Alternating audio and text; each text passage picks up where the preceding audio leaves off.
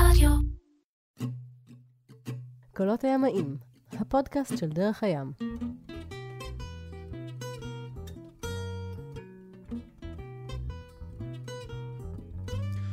קולות הימאים, הפודקאסט של דרך הים, אנחנו עם אה, פרק שלישי בסיפור המסע שמתרחש ב-1979, יאכטה 33 feet שנקנתה אה, במרינה תל אביב הקטנטנה של פעם, סוף שנות ה-70, אנחנו כבר אה, הפלגנו ביחד עם יניב וכמה חברים שלו שיחד שירתו בשייטת עם היאכטה הזאת עד גיברלטר, בשני פרקים שאותם תוכלו למצוא בעמוד הפודקאסט. ואנחנו עכשיו uh, על סף סיפור של האוקיינוס האטלנטי. נכון? ככה אוקיי, אפשר, אנחנו להגיד כבר את זה ככה? בעצם אה, מפה לשם, עם כל ההפסקות של עבודות וכאלה, ומכירות, אנחנו בעצם כבר מגיעים, אנחנו כבר בשנת 81. אה, והכיוון הוא ברזיל. כבר פה לא רק מערבה, אלא אנחנו יודעים שאנחנו רוצים להגיע לברזיל, ואנחנו רוצים לעשות את זה בדרך הכי קצרה, להגיע לאזור אה, נטל, זה פחות או יותר מי שככה יסתכל על המפה, ברזיל יש לה מין בליטה כזאת, כמו דבשת כזאת. מערבה. נכנסת, לא, אה, אה, מזרחה מזרחה, דווקא, סליחה. כן, נכון, לכיוון, אה, לתוך האטלנטי, והעיר שבעצם יושבת על הפינה נקראת נטל, ומולה יש איזשהו אי קטן שנקרא פרננדו דה נורוניה, וזה בעצם המקום הראשון שאנחנו רוצים לנחות בו בסוף החצייה של האטלנטי, אבל לפני זה יש לנו עוד כמה מקומות בדרך. אז יצאנו מגיברלטר, וכמו כל היחטונרים, גם אז הספר המפורסם של אה, Ocean Passage, של אה, קורנל, זה היה התנ"ך. אה, ויצאנו באיפשהו בס- באמצע נובמבר, סוף נובמבר. אה, זה בדיוק העונה לחצות היום. כן, זה בדיוק העונה, שזה... סוף עונת ההוריקנים סוף עונת ההוריקנים, ולפני. השטילים הגדולים של, אה, ש, של אה, אזור קו המשווה, של הדולדרמס, מה שנקרא, שסביב קו המשווה. זה הזמן לעבור. משהו נחמד, משהו מעניין, ב... לפני שיצאנו בגיברלטר, הכרנו בחור גרמני, שהוא היה סינגל הנדד, הוא מפליג לבד. והוא הפליג אה, על, אה, על אה, וסטרלי 33, סירה בדיוק כמו שלנו, תאומה. ממש תאומה, והיינו, נהיינו חברים, הוא אירח אותנו וזה, והוא היה טיפוס, האמת. באיזה- אני זוכר ששאלתי אותו פעם, תגיד, למה בעצם אתה מפליג לבד? זה... כבר אנחנו התנסינו בהפעלה הטכנית של סירה, כבר הבנו שזה ממש לא בעיה, וגם אנחנו בעצם במשמרות וכל הזה, הפעלנו אותה לבד, כולל הפלה של החלוץ, החלפה של החלוץ, הכל לבד עם ההגה האוטומטי הזה, עם השלט החוטי שלו. והבנו שממש אין בעיה טכנית לעשות את זה. אבל יש את העניין של להיות לבד, אין לך עם מי לדבר וזה, אז אני זוכר ששאלתי אותו, תגיד, למה בעצם אתה מפליג לבד? הוא אמר, ניסיתי האמת עם כמה אנשים ואף אחד לא מסתדר איתי. שאוקיי, אז אה, זה היה הבחור מודעות, הזה. קבענו, קבענו שננסה, בגלל שהיינו פחות או יותר אותו מודל של סירה, ופחות או יותר אמרנו נעשה את אותו מסלול, אה, שכל יום אי זוגי, כל תאריך אי זוגי, ננסה בשעה 12 בצהריים, גריניץ' 2, ננסה ליצור קשר עם המכשיר קשר, אולי נהיה באיזשהו טווח שאנחנו לא רואים את הסירות, אבל עם המכשירי קשר זה יעבוד. זה עבד ביום הראשון, וזהו. מאז לא ראינו אותו. ויצאנו לדרך, והפלגנו, הגענו עם הקנרים, באים... עכשיו היה, זמן היה לנו, לא מיהרנו לשום מקום, יש כאן אנשים שחוצים את האטלנטי, ואני זוכר, בעצם כבר חציתי את האטלנטי גם לפני שנתיים, משהו כזה, עם סירה של דרך הים, היה אז מבצע גדול, אבל אז שם הכל היה כזה, זה גם היה מין דליברי כזה, הכל היה מהר, מהר, מהר, אין זמן לכלום וזה, ופה, וככה אני חושב באמת צריך ל... ככה צריך לדעתי בלי טיסה חזרה. להפליג. להפליג בלי לוח זמנים. בעצם למעשה אפשר להגיד יאכטה זה, זה, אפשר, ל- ל- זה מין חופש מוחלט, כאילו אם באמת יש לך זמן. אם יש לך זמן זה חופש מוחלט. כי יש לך את הבית שלך וזה, ובאמת זה מה שהיה לנו. אה, הגענו, אני חושב לקח לנו בערך עשרה ימים, משהו כזה, עד, אה, עד הקנרים, היינו בטנריף, אה, נשארנו שם גם איזה תקופה, לא זוכר כמה, שבועיים, אולי שלושה, טיילנו שם קצת בין האיים, צללנו קצת וזה. והמשכנו לאיי קייפ ורדה. בקייפ ורדה, סיפור נחמד, זה לקחנו נדמה לי עוד איזה משהו כמו שמונה עשרה ימים, משהו כזה, נדמה לי עשרה ימים, הגענו לקייפ ורדה. בקייפ ורדה, אני מזכיר כל הזמן, אנחנו הלכנו לאיפה שהדייגים, למעגנות של הדייגים. קייפ ורדה אז הייתה, נדמה לי ב-78 היא קיבלה עצמאות, היא הייתה משהו כמו שנתיים אחרי העצמאות. זה הייתה, זה היה חור עני בצורה שאי אפשר לתאר. לפני זה היה שם שלטון פורטוגלי. וגם שם הייתה הפיכה בערך שנה, שנתיים, שלוש לפני שהגענו, שם השתלטו גנרלים, אבל לא כל כך לשמחת העם, הגנרלים האלה פשוט לקחו את כל הכסף שהיה והוציאו אותו מחוץ למדינה. והמדינה הזאת הייתה פשוט, אה, ממש, היית יושב במסעדה וסביבך עד, עדת ילדים שפשוט מחכה שהיא תשאיר משהו בצלחת. אה, אפילו לא עניין של כסף, רק אה, להתנפל על הפירורים שנשארים על הזה. פגשנו שם הרבה דייגים, היה, זה היה בעצם אה, גם שם איזה נמל דייג, אה, היו שם דייגי סרטנים הרבה, הרבה דייגי אה, כלובים כאלה.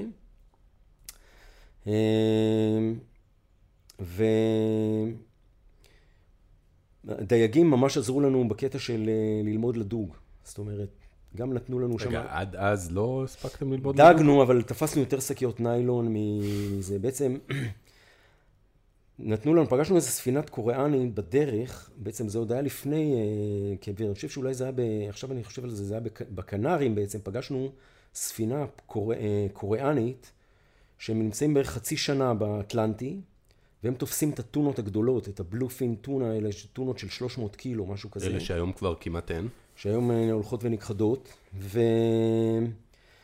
והם נתנו לנו ז'ורג'רות מקצועיות. הם ממש נתנו לנו ז'ורג'רות מקצועיות. ומהם ממש למדנו לדוג, ואז התחלנו באמת לדוג הרבה. אז הבנתם שהנוצה והכוס והזה... כן, אבל אז הבנו בדיוק שכל אחד יש לו את השיטה שלו, גם מי שמכיר היום בארץ, גם... זה לא נגמר. כמות השיטות ככמות הדייגים שאתה פוגש, ו...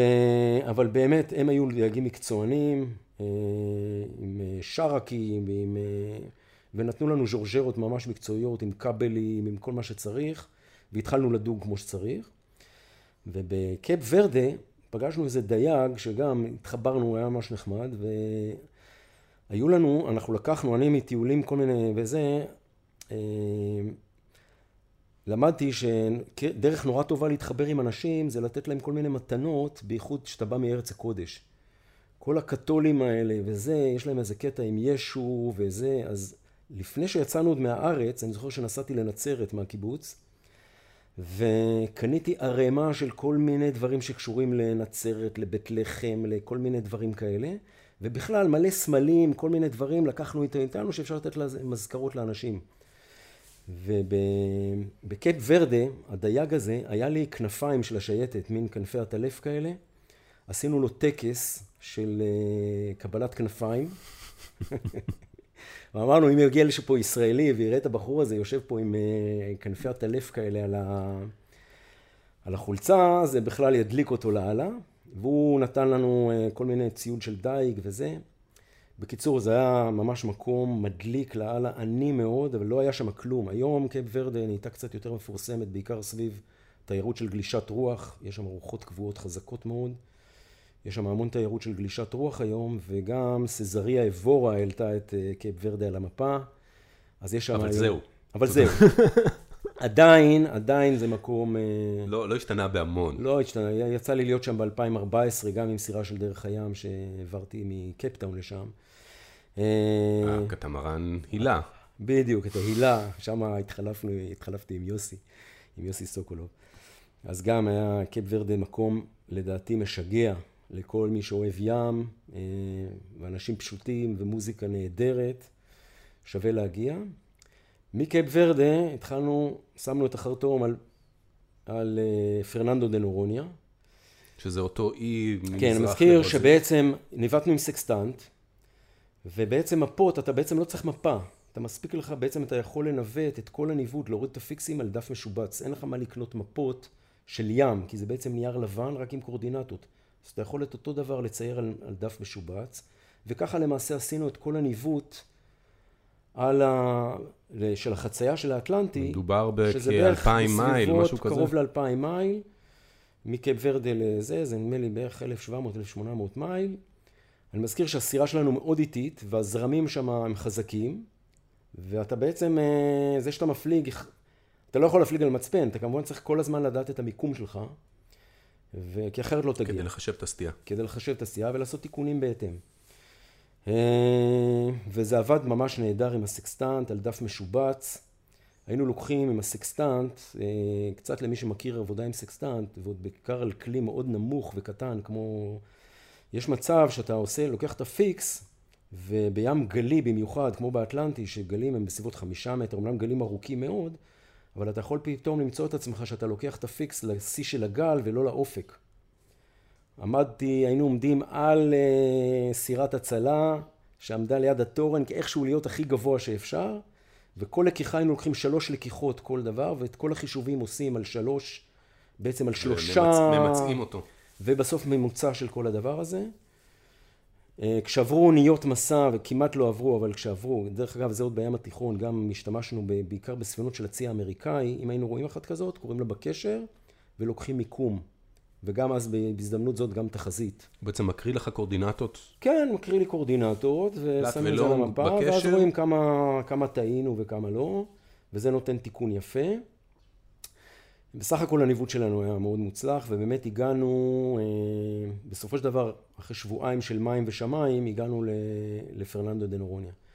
בדרך, אני רק רוצה לספר קצת, כי זה קצת שונה מהסירות של היום, לא היה לנו מתפיל מים, והיה לנו כאמור מיכל, שני מיכלים של בערך 100, זה קצת עוד, עוד קצת ג'ריקנים, וסירה קטנה, אין הרבה מקום, אבל ברגע שאתה מתחיל להתקרב לקו המשווה, אתה מתחיל לקבל אה, גשמים. ומה שעשינו פשוט אספנו מי גשם וזה פטנט פשוט נהדר אתה פשוט מוריד קצת את הראשי מוריד קצת המעלן ראשי ואז נוצרת מין תעלה כזאת בין המנור למפרש מין תעלה אתה נותן לגשם וזה גשמים גשמים אתה נותן לגשם לתורן? קצת לשטוף את המפרש שם דלי מרים טיפה את ה topping lift שם ליד התורן אה, דלי ותוך חצי שעה כל הסירה שלך מלאה במים וגם עושה מקלחת בדרך כל הדרך בכלל, המקלחות בעצם עשינו אותן עם מי ים, כשלא היה גשמים עשינו אותן עם מי ים ולחפוף ראש זה עם סינטבון, מי שזוכר אה, בלוק כזה אדום של סבון כביסה. זה, עדיין זה, יש את זה. זה הסבון היחידי, יש את זה, נהדר. זה הסבון היחידי דרך אגב שמקציף במי ים. וזה מילא אנחנו, אבל ים היא חפפה עם זה את השיער שלה. היינו נראינו כמו איזה עדת... אה, היינו ערומים רוב הזמן על הסירה וכבר, כן, איבדנו לגמרי את הספירה. היה לנו, אכלנו הרבה, אה, כל מיני שימורים והיה לנו אוכל טרי גם. תפסנו המון דגים, המון דגים בדרך. מבחינת זה לא היה לנו שום בעיה של אה, בשר טרי נקרא לזה ככה. והיה לנו ערימה ענקית של קוקוסים שלקחנו עוד, נדמה לי בקנרים עוד אפילו אה, זה, וקצת בקייפ ורדה. שמנו וככה הפלגנו לנו שבועיים. החיים הטובים. וזהו, הגענו לפרננדו דה נורוניה, שזה אי ברזילאי שיושב בערך 200 מייל מערבית לברזיל. אה, בתקופה ההיא מי שהחזיק, לא היה שום טיסות, היו רק טיסות צבאיות לאי הזה. האי הזה הוחזק על ידי הצבא הברזילאי. היה שם פשוט מין פלוגה, מי ש... נקודה אסטרטגית. נקוד, מין, כמין נקודה אסטרטגית הם החזיקו איזה, את האי הזה, בעצם ישבה שם מין פלוגה כזאתי, שישבה באי. זה היה נראה בדיוק כמו... אה, נו, גבעת ה... חלפון? גבעת חלפון, בול כמו גבעת חלפון. תיארתי לעצמי. חבר'ה יושבים שם, ברזילאים, עם גיטרות, וכל מיני כלי הקשה שעושים מקופסאות שימורים וזה, שיכורים קלות, אף אחד אין עליהם, אין להם אף אחד על הראש, הם, מדים הם לא יודעים מה זה, עם בגדי ים וזה. האי הזה זה אי פשוט פסטורלי, כאילו אי טרופי קלאסי. דקלים על החוף, אה, דגים, אתה פשוט, היה לנו עובד דייג, אתה, אתה תופס מה שבא לך. אכלנו שם פשוט כמו חזירים, אה, נשארנו שם לפי דעתי כמעט שבועיים. פשוט לא רצינו לזוז משם, היה פשוט כל כך כיף שם, גלים, אתה יכול לתפוס גלים, אתה... אה, פשוט כיף.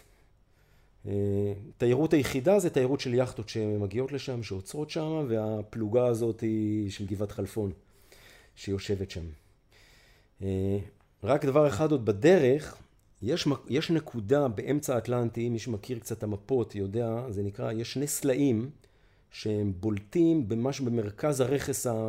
יש רכס הרי מתחת לים, שנקרא רכס המרכז אטלנטי, שיש לו כמה נקודות שהוא בולט מעל המים. ביניהם אה, סנט אלנה, זה אי אחד, ואסנסיון. ששלחו את ויש אחד שנקרא... נפוליאון לגלות, כן. נכון? סנט אלנה? טריסטן דה קוניה, יש אחד. Ascension Island זה כן, בדיוק. זה איים שייכים עוד לבריטניה. גם נקודות. אסטרטגיות כאלה. ש- כן, אבל יש שני ציינו. סלעים ממש, אין עליהם כלום, שיושבים ב- ב- גם על המרכז של הזה, שמי שחוצה מקייפ ורדה לפרננדו דה נורוניה, ל- ל- כאילו לברזיל, הוא ממש עובר לידם, וממש רצינו להגיע לשם. והיה לנו קטע ממש מוזר שהתחלנו אשכרה להאמין ב- ברוחות ובזה, כי תפסנו שם איזה סערת ברקים וגשם ורוחות מאוד חזקות, ואיך שכל הזמן שסובבנו את הסירה, הרוח כאילו הגיעה משם. והיינו ממש קרובים אליהם, ידענו שזה, ולא הצלחנו להגיע לאיים האלה. לא, הגענו, לא הצלחנו להגיע לסן פדרו הזה, כל הזמן סובבנו השיחה, והיה מטורף, ובסוף אמרנו, וזה אתה כבר אחרי איזה אולי שבוע כדאי להתרחק בים, מהאיים האלה שנמצאים בלבן. לא יודע מי פה מכוון את הדברים האלה, אבל זה לא נראה טוב. בוא נמשיך. וואו. וכן, בדרך עוד קצת לפני פרננדו דה נורוניה עצרנו במקום, זה קצת מתחבר לי ל... למה שנקרא 40 שנה אחר כך.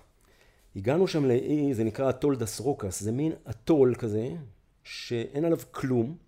מקננות שם ציפורים, סולות וגם פריגטות, שזה ציפור מאוד יפה, ומלא מלא דגים, אין שם נפש חיה, יש שם אבל בית אחד שהוא משמש כמעבדה לחקר הים, לחוקרים אה, אה, ביולוגים, כל מיני ביולוגים, שבאים לשם לתקופה של איזה חצי שנה, יש איזו אונייה שמביאה להם פעם בשבוע או פעם בשבועיים. אין שם כלום. זה ממש איש שיושב על סלע שסביבו ממש אין כלום. האי הזה רק מתכסה כמעט לגמרי במים בגאות, ובשפל יורד קצת, ויש מלא שברי סירות אתה רואה מסביב, שעלו שם על ריפים, מלא מלא ריפים וזה, אנחנו עצרנו שם. מלא סרטנים, מקום מדהים מבחינת טבע וזה. ולמה אני מזכיר? כי כשלמדתי לדוקטורט, למדתי על ספוגים, יש קבוצ... פגשתי באיזשהו כנס אה, חבר'ה ברזיל... ברזילאים, ואני שומע אותם מדברים, את הזרוקס, על הטולוזורס, ואני אומר להם, רגע, רגע, רגע, אני חייב לדעת. אתם, אז הם סיפרו לי שהם באמת היו שם, ב... לא ב- כשאני הייתי, כן? זה חבר'ה צעירים, אבל הם מאיישים מדי פעם את התחנת מחקר הזאת, ועוברים איזה אימון של איזה כמעט חצי שנה לפני זה, איך לשרוד בכלל במקרה של, בכל מיני מקרי חירום וכאלה. יש כמובן מסוק שיכול להגיע ולהוציא אותם בזה, אבל הם באים לשם, החבר'ה האמיצים, בואו נגיד, החוקרים האמיצים, וזה היה לי מין סגירת, אמרתי להם, זה ממש סגירת מעגל. כי אמרתי להם, אני 40 שנה לפני זה עצרתי שם עם איזה יאכטה. באיזה. זהו, הגענו לפרננדו דה נורוניה, מפרננדו דה נורוניה המשכנו עוד לעיר שנקראת נטל. שהיא כבר ביבשת. היא כבר ביבשת, ולמעשה גמרנו את המסע שלנו בחציית האטלנטי. הגענו לברזיל, אה, בערך זה היה, יצא משהו כמו חודש לפני הקרנבל. אה, הקרנבל הוא בפברואר איפשהו. אה, החברה הזאת שהייתה לי אז, שנפרדתי ממנה כי חייב להגיע, חייב לחצות וזה, נזכרה, נזכרנו אחד בשני, למרות שלא היה לנו קשר, עוד פעם אני מזכיר, לא טלפונים ואין וואטסאפים וכאלה, והיא אמרה אני באה, והיא הגיעה ל... אחרי זה עברנו מנטל, עברנו לסלבדור, היינו בעצם בקרנבל עצמו, היינו עם הסירה בתוך מרינה בסלבדור, שם זה הבסיס שלנו, וחגגנו בסלבדור את רוב הקרנבל. היא בינתיים הגיעה לשם, התחברה איתי, אה, ובעצם אז כבר התחיל יותר טיול יבשתי כזה, אני בשלב הזה הגענו, אה, בשלב הזה בעצם נפרדתי מכל החבורה, ושנינו עברנו לטיול, אה, נקרא לו קונבנציונלי, בדרום אמריקה. אה, של עוד איזה משהו כמו ארבעה חודשים או חצי שנה, ואני כבר קצת מאבד את הספירה של החודשים, אבל איפשהו ממש בסוף 81, תחילת 82 בעצם הגעתי לארץ, והמעבר החד היה שבתחילת, ב-82, מי שזוכר, ביוני 82, אה, פרצה פה מלחמה. פרצה פה מלחמה. מבצע קטן, 40 מבצע קילומטר, קטן, לא מלחמה. מלחמת לבנון הראשונה. אה, וזהו, זה בעצם החזיר אותי, אפשר להגיד. אחרי, אחרי טיול של אה, כמעט שלוש שנים, של שנתיים וחצי, אה, מסע ביאכטה, שזה באמת היה מין חופש, אפשר להגיד חופש מוחלט, כי הוא באמת נעשה בתקופה כזאת של החיים, שאתה יכול. שחסר תוכניות.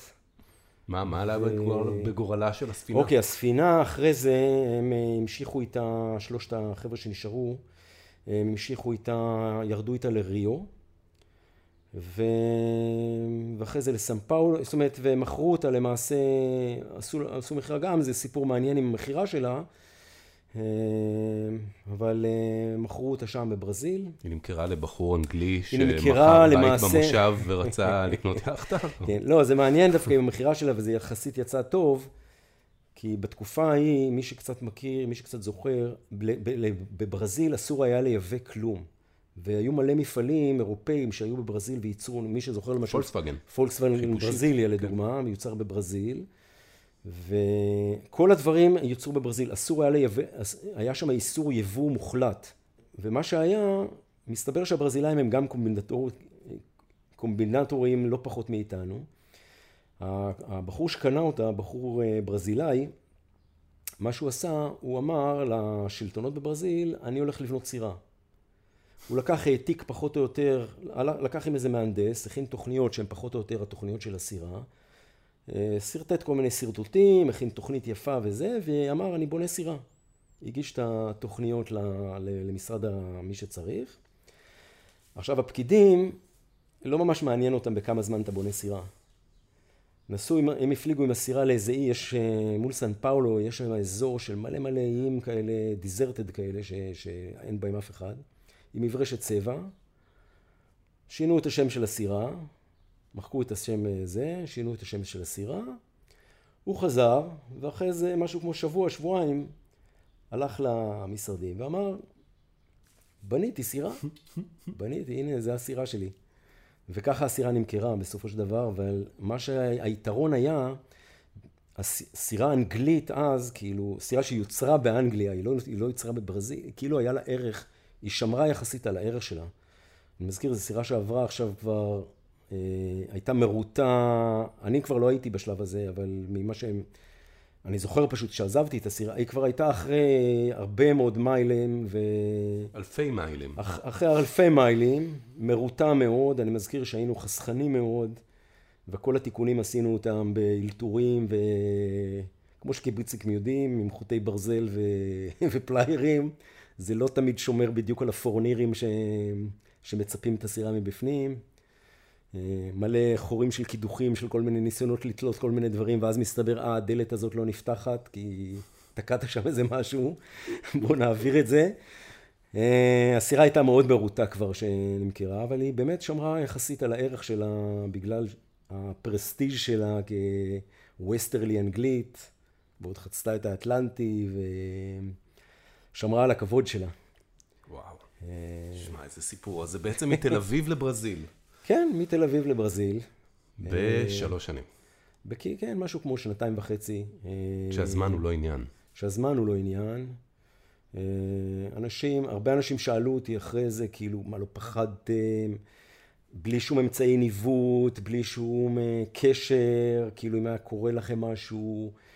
לא היה שום אמצעי אה, ביות, כמו שהיום יש כל ה-EPRB וכל הדברים האלה ש...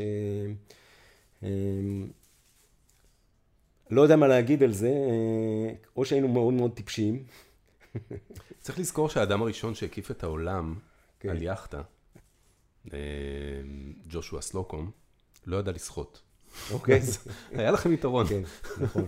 לא, האמת שאני גם אומר היום, גם לאנשים שיוצא לי קצת להדריך ולהפליג איתם בדרך הים או כל אה, זה, המון, יש, יש היום הצפה של גאדג'טים ו, וכל הסיפור של ה-GPS עכשיו עם, עם הפלוטרים שיש, זה בעצם, יש לך Waze.